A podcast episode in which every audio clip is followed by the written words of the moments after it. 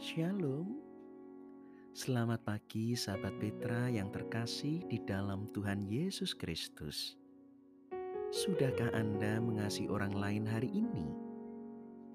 Pagi hari ini oleh rahmat Allah yang telah membangunkan kita, kita bertemu bersama dan membuka hari di dalam embun pagi edisi 15 Juni 2021 yang kali ini bersama dengan saya, Pendeta Yusuf Krisetyo Nugroho dari GKJ Wirobrajan. Sahabat Petra yang terkasih, tema kita hari ini adalah mati bagi dosa, hidup dalam Kristus yang terambil dari kitab Roma pasal 6 ayat 11. Karena itu, sebelum kita menerima sapaan kebenaran firman Allah yang meneguhkan dan menguatkan kita untuk melewati hari ini, mari bersama kita berdoa. Segala hormat, sembah, puji, dan syukur kami naikkan kepadamu, ya Allah Bapa Pencipta langit dan bumi, ya Yesus Kristus Juru Selamat dan penebus kami yang hidup. Dan ya Allah roh kudus, sumber penghiburan dan pertolongan kami. Sungguh kami bersuka cita karena kami telah merasakan perlindungan Tuhan sepanjang malam. Kami boleh bangun dalam kekuatan dan kesegaran. Dan kini kami melihat hari baru telah terbentang bagi kami. Sungguh kami menyadari segala yang terbaik telah kami terima semata karena kasih setia dan kemurahan-Mu. Karena itu ya Allah, sebelum kami melewati hari pemberian-Mu, kami semua berdiam di hadirat-Mu. Kami mohon Engkau bersabda, sebab firman-Mu lah yang akan menjadi kekuatan bagi kami melewati hari ini, mewujudkan rancangan-Mu sehingga kami bukan hanya menikmati berkat, tetapi juga menjadi bagian rancangan kemuliaan-Mu dinyatakan dalam kehidupan kami pada hari ini. Hati dan pikiran, jiwa dan batin kami telah terarah kepadamu. Bersabdalah, kami anak-anakmu siap untuk mendengar. Urapilah hambamu yang penuh kelemahan ini sehingga apa yang disampaikan seturut dengan kehendakmu. Terpujilah engkau, ya Allah Bapa, Putra, dan Roh Kudus. Amin. Sahabat Petra yang terkasih, tema mati bagi dosa, hidup dalam Kristus terambil dari kitab Roma pasal 6 ayat 11 Demikian sabda Tuhan. Demikianlah hendaknya kamu memandangnya, bahwa kamu telah mati bagi dosa, tetapi kamu hidup bagi Allah dalam Kristus Yesus. Demikian sabda Tuhan, yang berbahagia ialah mereka yang mendengar, menghayati, dan yang melakukan firman Tuhan. Haleluya. Sahabat Petra, ada yang dinamakan dengan sesat pikir, yaitu ketika orang seakan-akan berpandangan benar tetapi mengambil kesimpulan yang salah. Contohnya, kambing adalah hewan, babi adalah hewan. Kesimpulannya, kambing sama dengan babi, atau apel adalah buah, pisang adalah buah. Lalu kesimpulannya, pisang sama dengan apel. Inilah yang namanya sesat pikir ketika mengambil kesimpulan yang salah. Demikian juga kesalahan berpikir sering juga diarahkan pada keyakinan kita, yaitu iman Kristen. banyak orang yang dengan sinis lalu berkata, "Kalau memang orang Kristen yang berdosa, penuh pelanggaran, diampuni dan ditebus, maka jika sudah diselamatkan oleh kasih karunia, kita dapat berbuat dosa seenaknya. Kan sudah diampuni, kan sudah ditebus, maka kita dapat terus-menerus berbuat dosa karena juga terus-menerus akan diampuni oleh Allah. Kalau mesti diampuni, maka pasti akan diselamatkan. Bukankah demikian? Inilah salah pikir, inilah sesat logika, inilah absurd atau menggelikan. Tidak serta-merta pernyataan yang kelihatannya benar bahwa dosa itu diampuni dan disimpulkan lalu kemudian orang dapat berbuat dosa seenaknya. Bisakah kita membayangkan sahabat Petra, kalaupun seorang anak yang juga pasti akan dikasihi orang tuanya, yang pasti akan diampuni selalu oleh orang tuanya, lalu juga berkata, "Oh, kalau begitu, jadilah anak yang bisa melanggar perintah orang tua, jadilah anak yang lalu melawan keinginan orang tua, jadilah anak yang bisa mendukakan orang tua, toh nanti ya juga tetap menjadi anak kok. Toh nanti juga akan pasti diampuni kok. Tentu kita akan menyebutnya anak yang aneh, anak yang nakal, anak yang durhaka, Bahkan kita bisa menyebut itu tidak lumrah, tidak wajar kalau disebut sebagai seorang anak, di mana hanya karena dia pasti diampuni dan pasti dikasihi, lalu anak itu kemudian berpikir aku bisa nakal seenaknya, melawan seenaknya. Demikian juga rahmat keselamatan. Kasih karunia Yesus Kristus sungguh menebus dosa-dosa kita, mengampuni kita tetapi bukan serta-merta kita lalu berbuat dosa seenaknya. Bahkan dengan demikian, kasih karunia pasti akan berlimpah-limpah. Kita perlu mengerti tiga hal. Pertama, bahwa kasih karunia yang menebus, mengampuni dosa adalah membawa pembaharuan. Bukan sekedar diampuni tetapi ada pembaharuan dari hamba dosa. Kita dibaharui menjadi anak Allah. Hamba yang berpindah menjadi anak, inilah yang namanya adopsi. Adopsi itu dipindah, diputus dari hubungan yang lama dan memasuki secara penuh menjadi hubungan baru. Kalau hamba itu hubungannya tidak kekal, hamba harus tunduk dengan aturan hamba bahkan bisa dipecat. Tetapi kemudian kita dipindahkan untuk menjadi anak. Anak hubungannya kekal karena tidak akan terputus. Anak bahkan berhak menjadi ahli waris dari orang tua atau bapaknya. Maka demikian juga ketika kita telah diampuni dan ditebus. Tidak mungkin lagi kita keinginan semakin berbuat dosa karena kita bukan hamba dosa. Kita sudah menjadi anak-anak Allah. Kita tidak lagi terikat dengan hamba hukum yang lalu. Tetapi sudah terikat oleh roh kudus dimateraikan menjadi anak-anak Allah. Dan jelas keinginan dari Allah adalah kemuliaan, kekudusan, bukan keinginan untuk semakin banyak berbuat dosa. Kedua, kasih karunia yang membawa penebusan dan pengampunan bagi dosa kita juga membawa pembebasan. Sehingga ketika kita di dalam Kristus itu bukan hanya dihapus dosanya, tetapi juga dosa tidak berkuasa lagi atas kehidupan kita.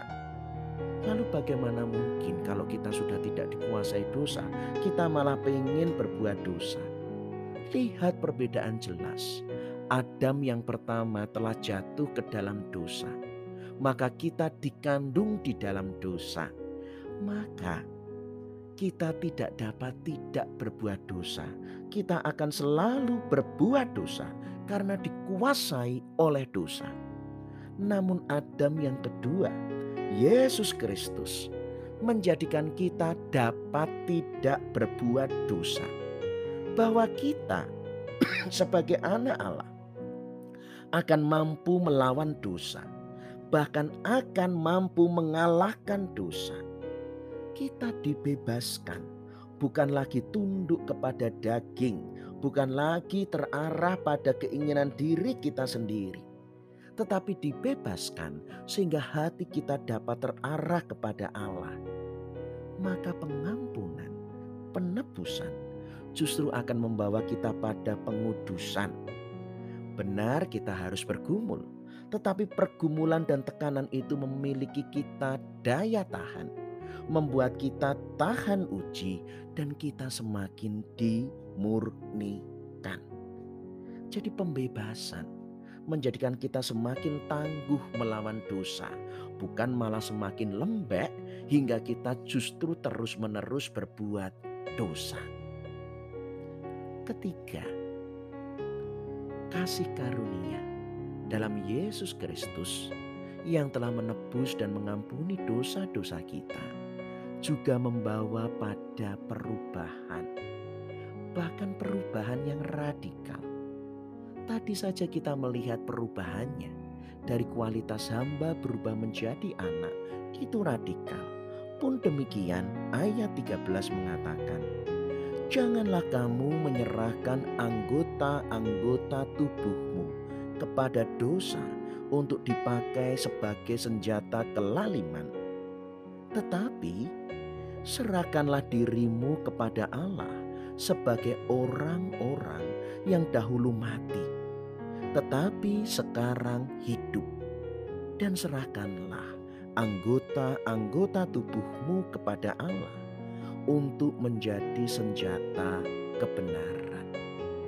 Ada perubahan yang begitu besar dan radikal.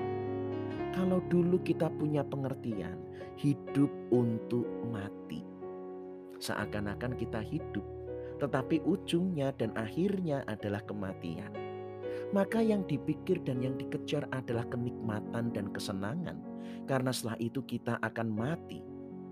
Sekarang kita berubah, bahwa kita mati untuk hidup. Kita akan berakhir pada kehidupan, bahkan pada kekekalan. Maka yang dikejar bukanlah kenikmatan atau kesenangan, melainkan kebenaran.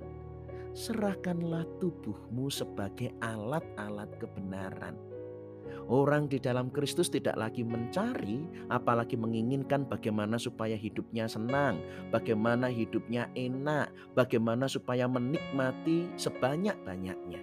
Bukan itu, awas. Kadang kita berpikir kesenangan, kenyamanan itu justru adalah berkat, tetapi bisa jadi bahaya. Bukankah iblis menawarkan pada Adam, bahkan menawarkan pada Yesus itu semua kesenangan, kenikmatan? Kesenangan kenikmatan tidak boleh jadi tujuan karena betapa sering justru demi kenikmatan dan kesenangan. Sampai kita lupa akan Allah bahkan sampai kita tidak merasa butuh pada Allah. Kita sebagai anak-anak Allah bukan lagi pada kenikmatan dan kesenangan melainkan kebenaran. Dan karena kebenaran itu kekal jika dulu dalam dosa berpusat hidup pada kenikmatan kesenangan. Tetapi dalam kasih karunia, kita berpusat pada kebenaran. Jika dalam dosa, orang itu merasa bahagia kalau mampu menikmati segala sesuatu. Tetapi dalam kebenaran yang kekal kita percaya bersama Kristus. Mungkin tidak nikmat dan selalu senang. Tapi mampu menanggung segala sesuatu. Sahabat Petra yang dikasih Tuhan, kasih karunia Allah yang menebus dan mengampuni dosa kita, membawa pembaharuan, pembebasan, dan perubahan. Maka, bagaimana mungkin sampai saat ini kita masih ingin terus-menerus melakukan, bahkan berdiam di dalam dosa?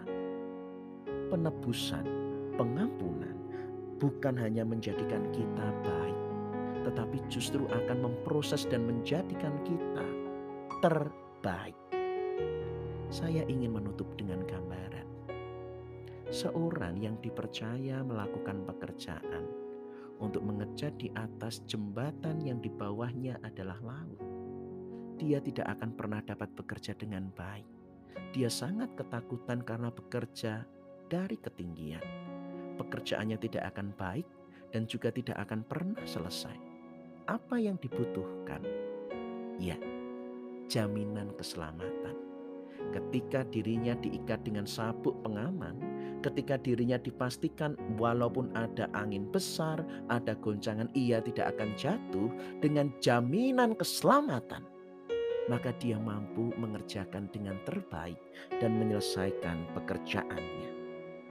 Maka dengan demikian kasih karunia Allah yang telah mengalahkan dosa, memberikan kita jaminan keselamatan dan tentunya kita akan hidup dengan mengerjakan yang terbaik, menyelesaikan dengan sempurna, bukan berkeinginan untuk hidup di dalam dosa dan bertindak jahat yang mendukakan hati Allah. Tuhan memberkati. Amin. Mari kita berdoa. Bapa yang bertahta dalam surga, kami sungguh bersuka cita. Kami mengawali hari dengan hadiratmu dan kami telah menerima kebenaran sabdamu. Ampunilah kami jika terkadang kami masih berpikir ketika kami diampuni, kami justru merasa mampu untuk berbuat dosa lebih banyak. Sungguh itu sebuah kesesatan, sebab pengampunanmu dan penebusanmu telah memberikan kami pembaharuan pembebasan, dan juga perubahan. Biarlah jaminan keselamatan ini akan menjadikan kami semakin kudus dan mengerjakan yang terbaik. Bahkan kami rela kehilangan kenikmatan, rela kehilangan kesenangan demi kebenaran, kekekalan dalam Allah. Biarlah kami bukan hanya mencari bagaimana hidup senang, tetapi kami ingin bersuka cita karena kami hidup benar seturut kehendakmu. Karena itu ya Allah kami mohon penyertaanmu atas sepanjang hari ini. Mampukan kami menyelesaikan tugas kewajiban kami. Mampukan kami menggenapi seturut rancanganmu. Jauhkan kami dari godaan, penyakit ataupun kecelakaan. Biarlah engkau juga melawat segenap sahabat Petra yang sakit, engkau hibur Engkau kuatkan dan sembuhkan. Mereka yang adiuswo Tuhan karuniakan hati yang penuh syukur dan sukacita, kesehatan, umur panjang, dan damai sejahtera Tuhan. Biarlah kami sebagai kehidupan keluarga senantiasa taat dan berbakti kepadamu, karena dalam kesetiaan dan ketaatan kami menemukan begitu besar rahmat dan kesetiaan Allah dalam kehidupan kami. Terima kasih Bapa, terima kasih. Ampunilah dosa dan kesalahan kami. Sepenuhnya kami bersandar pada pemeliharaan dan perlindunganmu. Sekalipun dalam pandemi. Jauhkan kami dari penyakit. Tidak kami kekurangan suatu apa pun. Melainkan kami. Engkau tuntun. Dan bila kami bersama-sama akan melewati kesusahan dan keprihatinan ini dengan keselamatan Inilah Bapa seru doa syukur kami yang kami panjatkan di dalam nama Tuhan Yesus Kristus, Juru Selamat dan Penebus kami yang hidup. Kami telah berdoa dan mengucap syukur. Amin. Sahabat Petra yang terkasih, mari kita akhiri embun pagi hari ini dengan menerima berkat Tuhan. Arahkan hatimu kepada Tuhan jadilah saksi Kristus di sepanjang sisa kehidupan kita untuk mengasihi dan memuliakannya. Terimalah berkat Tuhan. Tuhan memberkati saudara dan melindungi saudara. Tuhan menyinari saudara dengan wajahnya dan memberi saudara kasih karunia. Tuhan menghadapkan wajahnya kepada saudara dan memberi saudara damai sejahtera. Dalam nama Allah Bapa dan Putra dan Roh Kudus. Amin. Demikian sahabat Petra, ampun pagi, edisi Selasa 15 Juni 2021. Kiranya firman Tuhan meneguhkan kita dan menjadi kekuatan untuk melewati hari ini. Terima kasih atas kebersamaan kita. Mohon maaf jika ada atur ucapan atau dari diri saya yang tidak menjadi berkenan. Kiranya saya diampuni dan akhirnya saya Pendeta Yosef Kristianugroho dari GKJ Wirobrajan. Mohon undur diri. Tuhan Yesus memberkati, memelihara, dan melindungi kita. Selamat mengasihi orang lain hari ini. Amin.